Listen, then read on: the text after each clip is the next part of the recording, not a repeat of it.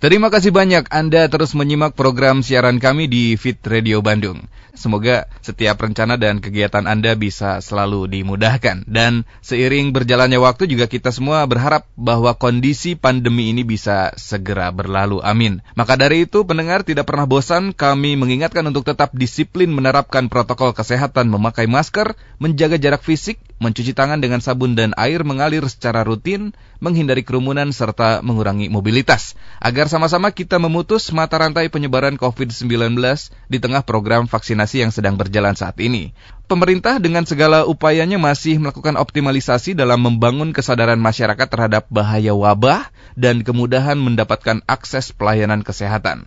Tetapi salah satu hal yang menjadi perhatian masyarakat dalam komunikasi terkait wabah misalnya, pemerintah masih menggunakan istilah-istilah yang hanya mungkin bisa dipahami oleh masyarakat yang terdidik dan dari kelas menengah ke atas. Bahkan pejabat pemerintah bisa mengeluarkan pernyataan yang berbeda-beda, padahal keadaan darurat membutuhkan komunikasi yang komprehensif dan konsisten.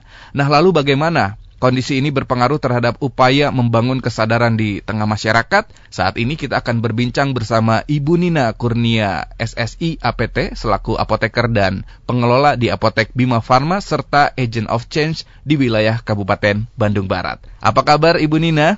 Kabar baik. Alhamdulillah. Tio. Dengan, Iya, dengan Tio. betul dengan Tio di sini, Ibu. Sudah berkegiatan, Bu? Sedang. Sedang ya. Baik, Ibu Nina sebelum kita membahas lebih lanjut tentang bahasan atau materi yang akan diangkat hari ini, sebelumnya mungkin bisa dijelaskan kembali istilah agent of change ini apa sih Bu dan perannya di masyarakat ini seperti apa, Bu?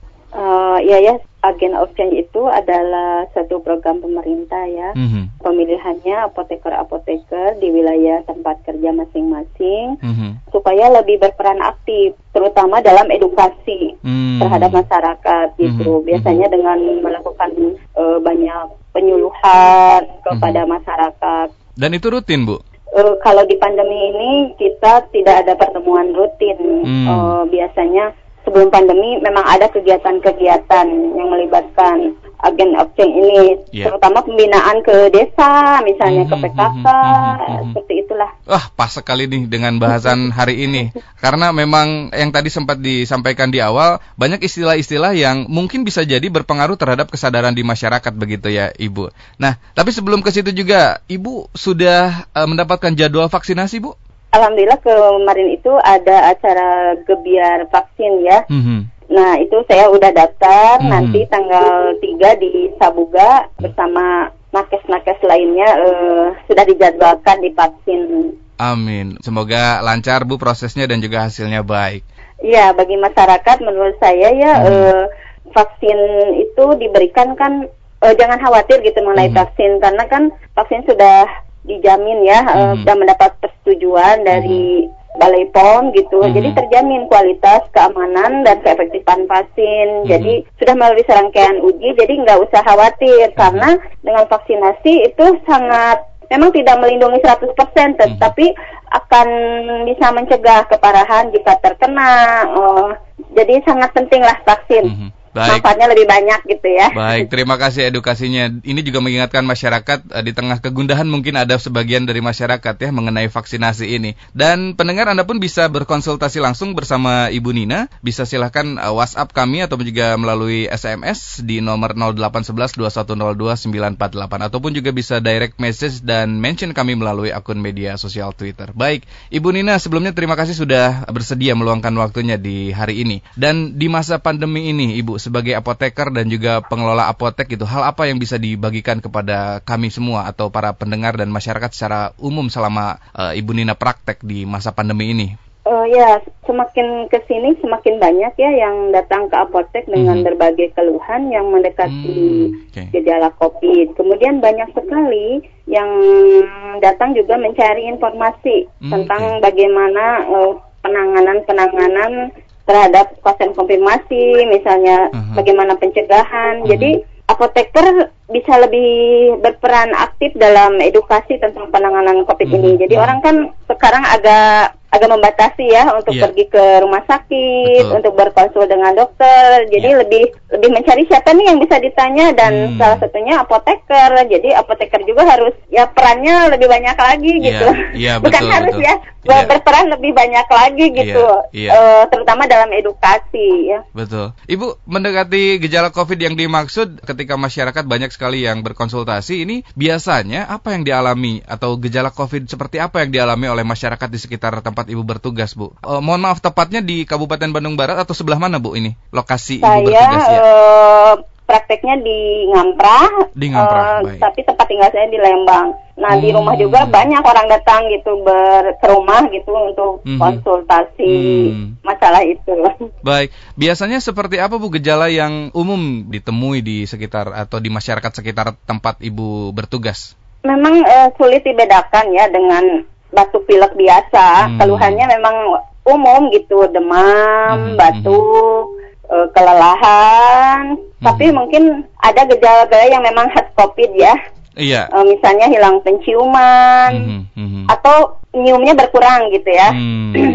Nggak hilang sama sekali tapi berkurang. Mhm. Atau ketika merasakan makanan itu jadi beda persepsi dengan rasa yang biasa gitu. Mhm. Tapi Tapi ada memang eh, kita jadi aduh ini ada kemungkinan nggak gitu. Oke, ya betul betul. Dan biasanya di, disarankan seperti apa, Bu, dari para apoteker atau dari ibu pribadi? Ya kalau misalnya ada kemungkinan seperti itu, Mhm. kita juga bertanya selain gejala riwayat ya, Hmm. riwayat dari pernah kontak enggak, eh, aktivitas dia sehari-hari, apakah memang Mhm. memungkinkan rawan penyebaran, lalu pernah enggak berangkat ke daerah tertentu gitu. Mhm. Nah itu kalau memang sudah seperti itu, kita memang tidak bisa diagnosis sendiri kan? Iya. Apoteker hanya bisa swab medikasi terhadap gejala simptom yang memang dirasakan nggak enak misalnya Hmm. eh, demam ya udah dikasih paracetamol misalnya atau Hmm. seperti itu tapi untuk memberi kepastian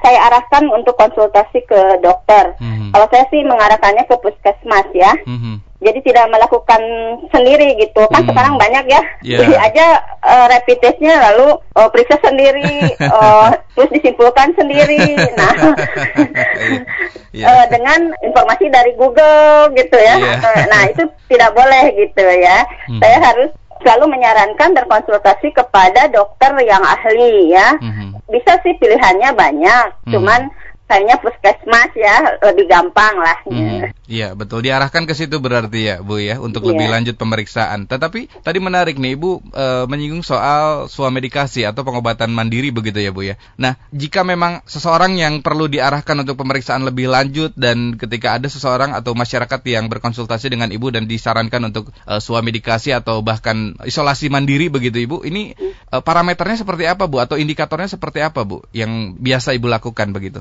Jadi gini, Hmm. kadang tuh kan orang datang ditanya karena udah rapid ya, Hmm, misalnya oke. di klinik tertentu, Ya. eh, rapidnya reaktif gitu. Hmm. Gimana nih bu, gitu ya? Hmm. Aduh saya udah udah covid nggak nih bu? Jadi seringnya gitu ya. Iya, iya, iya, iya.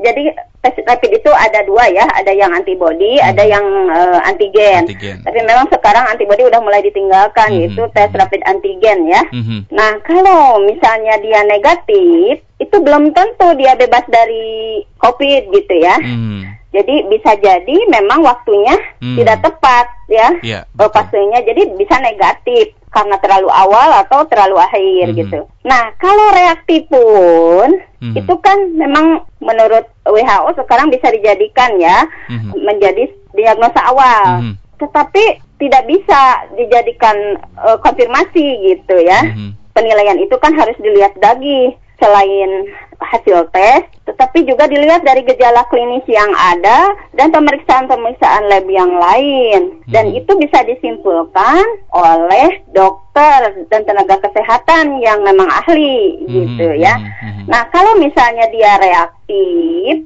bisa diarahkan untuk lapor ke puskesmas, Mhm. biasanya kalau saya ya, Mhm. menghubungi dokter dan nanti akan dilakukan tes PCR Hmm. gitu ya. Nanti biasanya dijadwalkan tes PCR.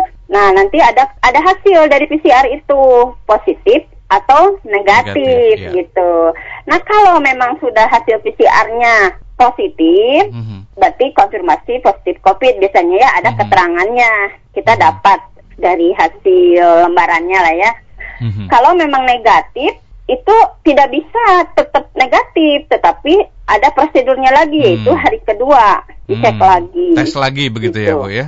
Ya kalau positif berarti konfirmasi positif Mhm. COVID. Mhm. Kalau negatif itu harus dicek lagi hari Harus kedua ya. lagi. Prosedurnya seperti itu sekarang. Hmm, baik. Nah, Mhm. eh, itu di dalam PCR itu ada nilai CT. Apa Mungkin itu, yang paling penting eh, ini ya. CT itu sering dijadikan parameter ya. Mhm. Oh, kalau CT-nya kecil berarti ini eh, parah, Bu. Kalau misalnya nilai CT-nya besar, oh ini udah sembuh gitu. Mhm, mhm. Jadi tidak bisa ya CT itu dijadikan memutuskan oh ini eh, udah sembuh atau tidak. Hmm. Jadi parameternya itu Iya. kan ada gejala, dilihat gejalanya juga. Jadi jangan diputuskan sendiri gitu.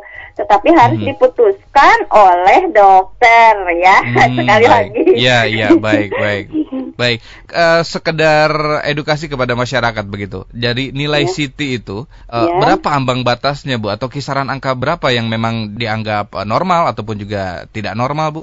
CT itu singkatan dari cycle threshold ya. Hmm. Jadi berapa kali gitu putaran sampai virus itu be- kelihatan berfluoresensi gitu ya. Hmm. Jadi kalau CT-nya itu berapa patokannya itu tergantung dari alatnya, regennya ya. Oke. Jadi nggak misalnya 35 berarti udah sembuh. Iya. Jadi tidak bisa dipatokan itu. Hmm. Walaupun parameternya ada ya disertakan Hmm. biasanya di lembarannya. Ada yang patokannya 40, ada yang Hmm. patokannya 35. Mhm. Tapi itu bukan satu-satunya patokan gitu Hmm, ya. hmm. Tidak dijadikan patokan dan kesimpulan bagi orang awam. Baik, terima kasih Ibu untuk penjelasannya. Kita kembali lagi untuk yang seseorang yang memang mempunyai gejala begitu dan berisiko terkonfirmasi tetapi em, disarankan untuk swamedikasi ataupun juga isolasi mandiri ini parameternya seperti apa Bu? Ya kalau mungkin bisa lebih dijelaskan. Nah, nanti itu. kalau hasilnya konfirmasi positif itu, dokter akan melihat kan gejala Hmm. yang ada. Dia akan digolongkan, misalnya tidak bergejala, Mhm. karena tidak merasakan apa-apa, gejala ringan, Mhm. eh, misalnya hanya demam, eh, batuk, ya, tapi dia ber- bisa beraktivitas seperti biasa. Mhm. Kemudian ada yang gejalanya sedang, gejalanya berat, Hmm. gitu. Nah, yang tidak bergejala dan bergejala ringan itu biasanya di eh, di treatnya Mhm. itu dengan isolasi mandiri, Hmm, ya. Baik. Isolasi mandiri itu biasanya disediakan ya tempatnya oleh Hmm. pemerintah. Ada kan beberapa tempat eh, yang memungkinkan isolasi mandiri. Hmm. Tapi mungkin sekarang itu sering penuh nih. Iya. Eh, Betul. jadi paling direkomendasikan isomannya di rumah Mhm, gitu ya. mhm. Nah, yang di rumah ini yang harus mendapat perhatian. Hmm. Harus dipastikan ya, apakah rumahnya itu layak untuk isolasi mandiri tidak. Jadi ada beberapa syaratnya, misalnya ventilasi udaranya, sinar matahari, ruangnya cukup luas ya, kamar mandinya terpisah. Kalau dianggap tidak layak, Mhm. itu justru berbahaya. Hmm. Bisa menimbulkan klaster keluarga ya. Iya. Misalnya jadi jangan oh ya udah isolasi di rumah, terus Mhm. pas nggak ngecek itu rumahnya ya. Mhm, mhm. Ternyata rumahnya teh tilu kali opat sama hiji sama mandi hiji eh, anggota keluarganya lima. Iya, Itu iya, semua. iya.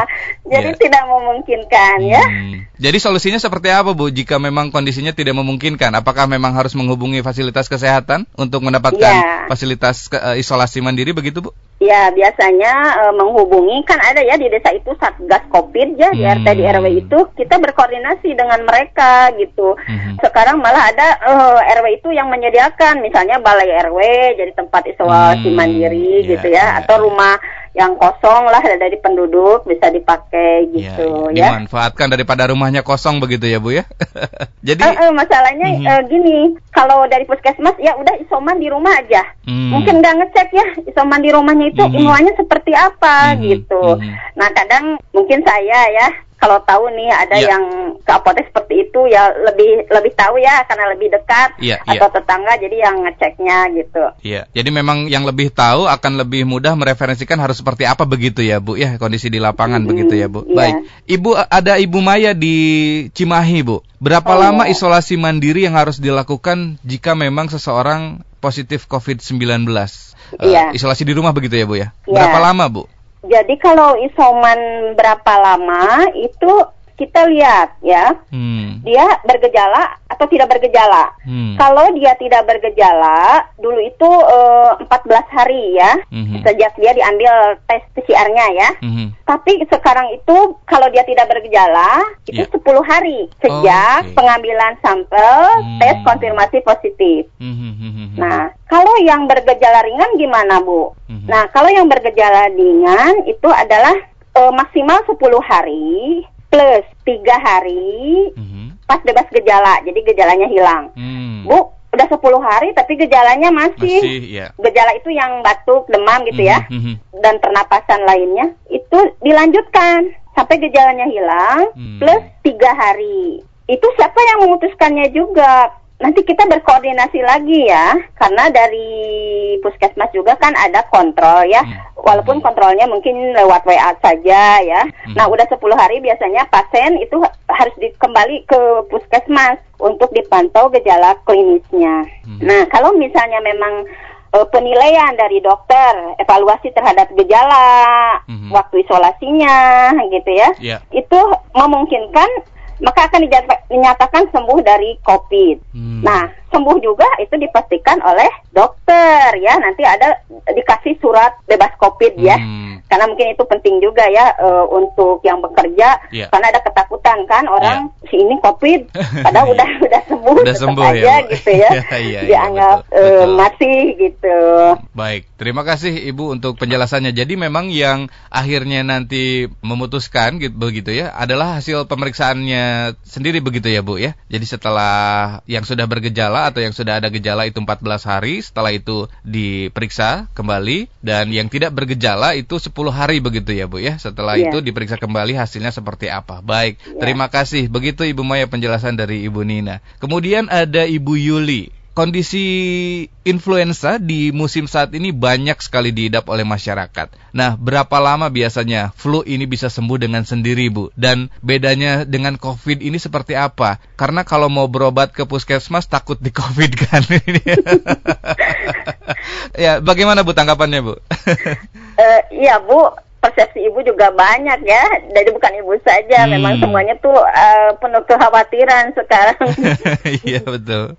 Nah, ini Biasanya sih kalau flu biasa itu cukup Mhm. ya dengan istirahat kan, dengan makan ya. Hmm. Eh, itu bisa seminggu sudah membaik gitu ya. Mhm, mhm. Nah, memang susah dibedakan kan? Mhm. Kalau kata saya juga gejala influenza biasa dengan Mhm. yang COVID ini. Jadi memang harus dilakukan pemeriksaan, tidak diputuskan sendiri ya. Hmm. Jadi terus berkonsultasi dengan eh, dokter Ya. Gitu. Baik, eh, jangan takut begitu ya untuk konsultasi begitu ya Bu ya dengan dengan tenaga kesehatan. Ya, Eh, sekarang kan mhm. eh, kalau takut eh, itu bisa pakai WA dulu ya. Hmm. Eh, rata-rata konsulnya melalui telepon. Nanti kalau misalnya ada kemungkinan kan baru dijadwalkan hadir. Biasanya kan seperti itu ya. Mhm, mhm. Kalau memang ragu ya, yang kita bisa lakukan adalah isolasi mandiri kalau kita merasa sakit gitu. Hmm. Ya udah kita memisahkan diri aja gitu. Mhm, mhm. Kamar terpisah, rumah terpisah gitu. Itu Mhm. kalau misalnya takut tes gitu ya. Iya. Nanti kalau aduh mending memburuk baru gitu. Hmm. Tapi kalau misalnya itu ya misalnya gejalanya ringan ya Mhm. kita jaga-jaganya dengan isoman. Baik. Berapa hari Bu untuk yang flu ini bisa sembuh dengan suara medikasi yang tadi Ibu sempat sampaikan, makan teratur, terus istirahat yang cukup. Biasanya berapa hari Bu? Flu ini akhirnya jadi hilang begitu Bu? Biasanya paling lama seminggu ya Paling seharusnya lama ya. seminggu ya. gitu. Baik. Makanya ada aturannya sih sebetulnya kalau tiga hari nggak sembuh, misalnya masih demam, itu eh, hubungi dokter kan ada seperti itu ya. Iya. kalau misalnya gejala memburuk, Mhm. hubungi dokter begitu. Hmm, baik. Dan untuk saat ini memang eh, WhatsApp juga bisa dipergunakan begitu untuk telemedicine ya Bu ya? Ya. Baik, Ibu Yuli seperti itu. Ada Bapak Ridwan di Malai Air. Bu, saya lagi kurang enak badan, eh, tenggorokan juga sering kali sakit saat menelan. Apa yang harus dilakukan ketika kondisi pandemi yang terjadi saat ini? Apakah saya juga termasuk yang beresiko? Mungkin bisa ditanggapi Bu. Nah ini ya, eh, karena gejalanya sangat umum, itu Hmm. sangat sulit disimpulkan. Hmm. Kita juga harus menilai dari gejala, dari riwayat, dari kemungkinan faktor-faktor resiko, ya. Hmm. Jadi saran yang terbaik ya memang harus berkonsultasi ya. Hmm.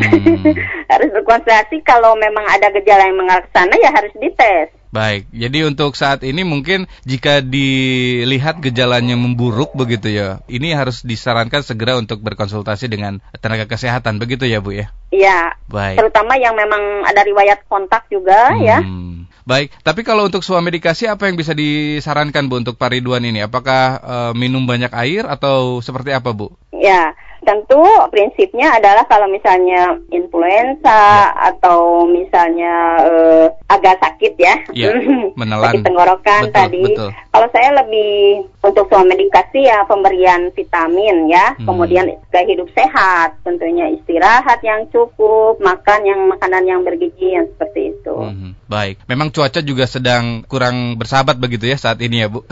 Jadi memang hmm. banyak sekali masyarakat mengidap eh, gejala-gejala yang mirip sekali dengan yang sekarang menjadi pandemi begitu. Baik, hmm. kita berlanjut Bu. Kita sering kali mendengar istilah terapi farmakologi bagi pasien COVID. Ini bisa dijelaskan Bu mungkin uh, secara awam itu seperti apa? Kalau terapi farmakologi berarti memakai obat-obatan ya. Hmm. Jadi khusus nih ceritanya yang gejala tidak bergejala atau bergejala ringan COVID aja ya. Yeah. Jadi kalau misalnya dia tidak bergejala dengan yang bergejala ringan sebetulnya hampir sama gitu. Kita memberikan kadang memang pulang dari puskesmas konfirmasi positif tidak bergejala atau bergejala ringan nggak dikasih obat nih. Mm, Jadi okay. kita bingung ini obatnya apa. Mm -hmm. Jadi obatnya biasanya vitamin C. Oh, vitamin, vitamin C, C mm -hmm. untuk 14 hari. Jadi tablet vitamin C itu macam-macam ya. Mm -hmm. Ada yang misalnya vitamin C non asidik 500 mg mm -hmm. bisa digunakan tiga kali sehari untuk 14 hari. Ada yang misalnya mm -hmm. tablet ISAP ya itu bisa digunakan 500 hmm. mg selama dua kali sehari selama 30 hari. Hmm. Atau misalnya multivitamin nih, multivitaminnya yang mengandung vitamin C itu 1 sampai 2 tablet per hari selama 30 hari.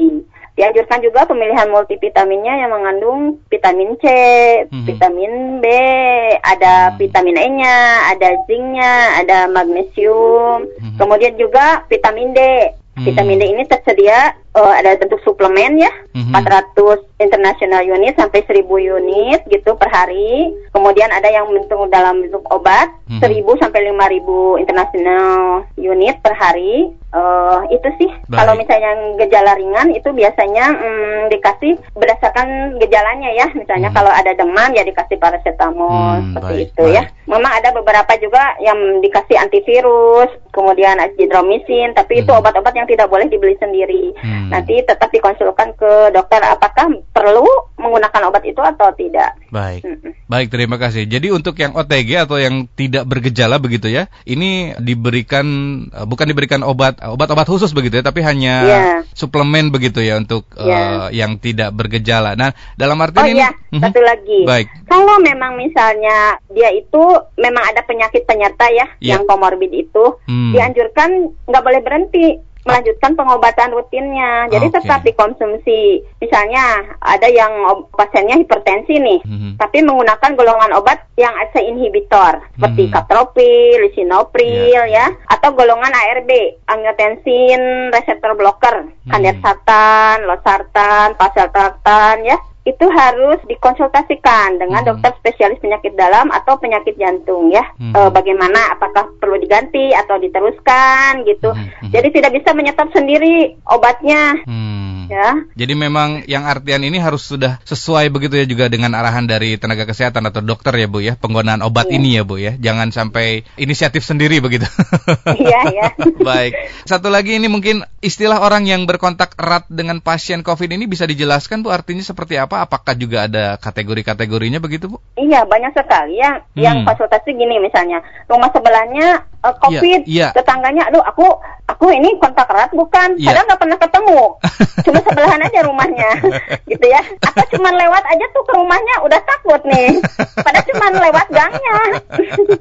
Iya iya iya, itu nah, bagaimana bu? Jadi yang berkontak erat itu adalah syaratnya dia harus bertatap muka langsung dengan hmm. jarak satu meter atau sekarang udah perbaruan ya 1,8 meter yeah. dalam yeah. waktu kira-kira 15 menit. Hmm. Kemudian orang yang bersentuhan secara secara fisik. Hmm. Misalnya pernah salaman, Iya. pernah berpegangan, pernah memegang, pernah Hmm. berpelukan, berciuman gitu ya. Hmm. Terus orang yang memang memberikan perawatan langsung kepada yang konfirmasi tanpa APD-nya sesuai standar gitu. Hmm. Dan itu juga ada jaraknya. Ibu, saya tuh pernah ih sesalaman yang si Eta seminggu yang lalu oh, atau sebulan yang lalu saya covid itu gitu ya. Iya, iya. nah itu patokannya ada. Jadi dua hari. Oke. Kalau misalnya dia OTG ya, eh, Ya. tidak bergejala, Ya. dua hari sebelum dia dinyatakan konfirmasi positif, pengambilan sampel konfirmasi positif hingga 14 hari setelahnya. Hmm. Kalau yang bergejala ringan berarti dua hari Hmm. sebelum timbulnya gejala hingga 14 hari setelah kasusnya timbul gejala. Jadi patokannya itu. Jadi yang sebulan lalu atau Hmm. 14 hari yang lalu mah ya Mhm. bukan ya Hmm. kontak erat Baik. gitu. Jadi memang ada kontak yang eh, dalam jangka waktu juga tadi yang sudah disebutkan antara 2 sampai 14 hari kemudian berkontak erat atau berkontak fisik begitu ya Bu ya, bertatap Iya. muka begitu. Jadi kalau arisan online enggak ya Bu ya. Jadi Kalau memang WA ngobrol di WA gitu ngobrol naon, eh, Kang. sajam oge. Ah, gitu. baik, baik. Terima kasih Ibu. Dan ini apa yang harus dilakukan selain juga tadi mungkin yang bisa dijelaskan kembali di garis bawahi oleh eh, Ibu begitu kepada masyarakat yang memang merasa punya kontak dengan eh, pasien atau tetangga atau siapa pun yang terkonfirmasi positif COVID-19 ini, Bu. Nah, ini yang jadi masalah ya. Hmm. Banyak misalnya nih anggota keluarganya COVID positif, datang ke apotek anggotanya Mhm. terus ngajak konsultasi ngobrol lama. Mhm, mhm. Padahal kan menurut saya itu kontak erat ya. Iya, iya. Iya. Nah, seharusnya yang kontak erat ini juga melakukan karantina. Hmm. Karantinanya berapa lama? Selama 14 hari sejak kontak pertama dengan pasien confirm positif. Hmm, hmm. Ah, ibu udah saya mah kontak erat, tapi udah di swab negatif, jadi boleh dong keluar Iya, iya. berkeliaran ya. Iya, iya. Tidak bisa ya, tetap harus karantina. Kenapa? Karena mungkin saja gejalanya belum muncul Hmm. ya. Bisa eh, nanti muncul 14 hari Mhm, gitu ya. Baik. Jadi eh, harus mau lah di karantina 14 hari ya Mhm. daripada dia menjadi spreader ya, jadi yang Hmm, menyebarkan penyebar. gitu. Iya. Ya harus tahan begitu ya Bu ya. Gatal-gatal mau keluar juga harus ditahan begitu. Selama 14 hari paling tidak untuk isolasi atau karantina begitu. Baik, ini yang harus digarisbawahi begitu ya kepada masyarakat yang memang akhirnya mengetahui bahwa saudaranya, rekannya atau tetangganya bahkan keluarganya sendiri terkonfirmasi mau tidak mau harus melakukan isolasi mandiri begitu ya Bu ya. Yang Iya, jadi digarisbawahi. beda ya isolasi mandiri dengan Mhm. karantina mandiri. Eh, ya hampir-hampir mirip lah ya. jadi kalau isolasi untuk yang confirm, Oke. kalau yang karantina untuk yang memang Iya. pemisahan orang sehat tapi pernah berkontak Oke. dengan yang confirm positif. Baik, baik. Atau ada riwayat perjalanan, Hmm. perlakuannya ya sama. Hmm. Punten, diam di rumah dulu Iya. ya, gitu. Arisannya online dulu ya Bu. Ya, tidak keluar-keluar dulu gitu. Baik, terima kasih banyak Ibu sudah berbincang mengenai hal ini dan semoga memang menjadi edukasi lebih kepada masyarakat ya Bu ya. Eh, sebelum closing statement Bu, harapan Ibu terkait program vaksinasi yang saat ini sedang berjalan seperti apa Bu? Ya, harapannya partisipasinya ya dari semua masyarakat untuk ikut serta berperan dalam vaksinasi ini gitu. Mhm. Kalau dari saya sih himbauannya seperti itu. Baik, semoga memang program ini bisa membawa kita segera terlepas dari pandemi COVID-19. Amin. Baik, Ibu, terakhir closing statement yang bisa disampaikan kepada kita semua untuk pembahasan hari ini, Bu. Eh, saya kira kan pandemi ini adalah ujian ya dari berbagai hal. Mhm. itu ujian kejujuran. Orang nggak tahu kita COVID, tapi jujurlah kita ke diri sendiri ya. Mhm. Kemudian kedisiplinan ya. Ah ya saya ya polisi tengah nggo masker. Ah, tapi kan harus disiplin. Ada polisi nggak ada polisi nggak ada denda tetap disiplin. Mhm. Dan ada kepedulian juga kepada orang lain ya. Mhm. Jujur dengan keadaan dan melakukan kalau memang terkonfirmasi positif, ya tolong isolasi mandiri. Kalau misalnya memang kontak erat, tolong mau di karantina, Karantina. dulu ya. Hmm. Itu untuk melakukan kebaikan bagi semua orang gitu. Entong bedegong istilah nama lah. Sudah banyak. Iya, leres. Terima kasih atur nuhun pisan Ibu bisa eh, bergabung bersama kita hari ini. Semoga tidak pernah bosan untuk mengedukasi masyarakat kembali ya Bu ya. Mohon hatur Mohon, nuhun, mudah-mudahan nuhun. aya aya gunana ya. Amin, amin, amin. Sehat selalu Ibu, selamat beraktivitas. Terima kasih. Demikian pendengar perbincangan kami bersama Ibu Nina Kurnia SSI APT selaku apoteker dan pengelola di Apotek Bima Farma serta Agent of Change di wilayah Kabupaten Bandung Barat. Semoga perbincangan kami bisa memberikan edukasi dan juga meningkatkan kesadaran kita semua akan pentingnya kesehatan serta penerapan gaya hidup yang sehat. Dan Anda pun bisa kembali menyimak setiap episode kami bersama para narasumber melalui podcast Spotify Fit Radio Bandung. Tetap fit, tetap sehat, tetap semangat fit listeners and stay fit for life.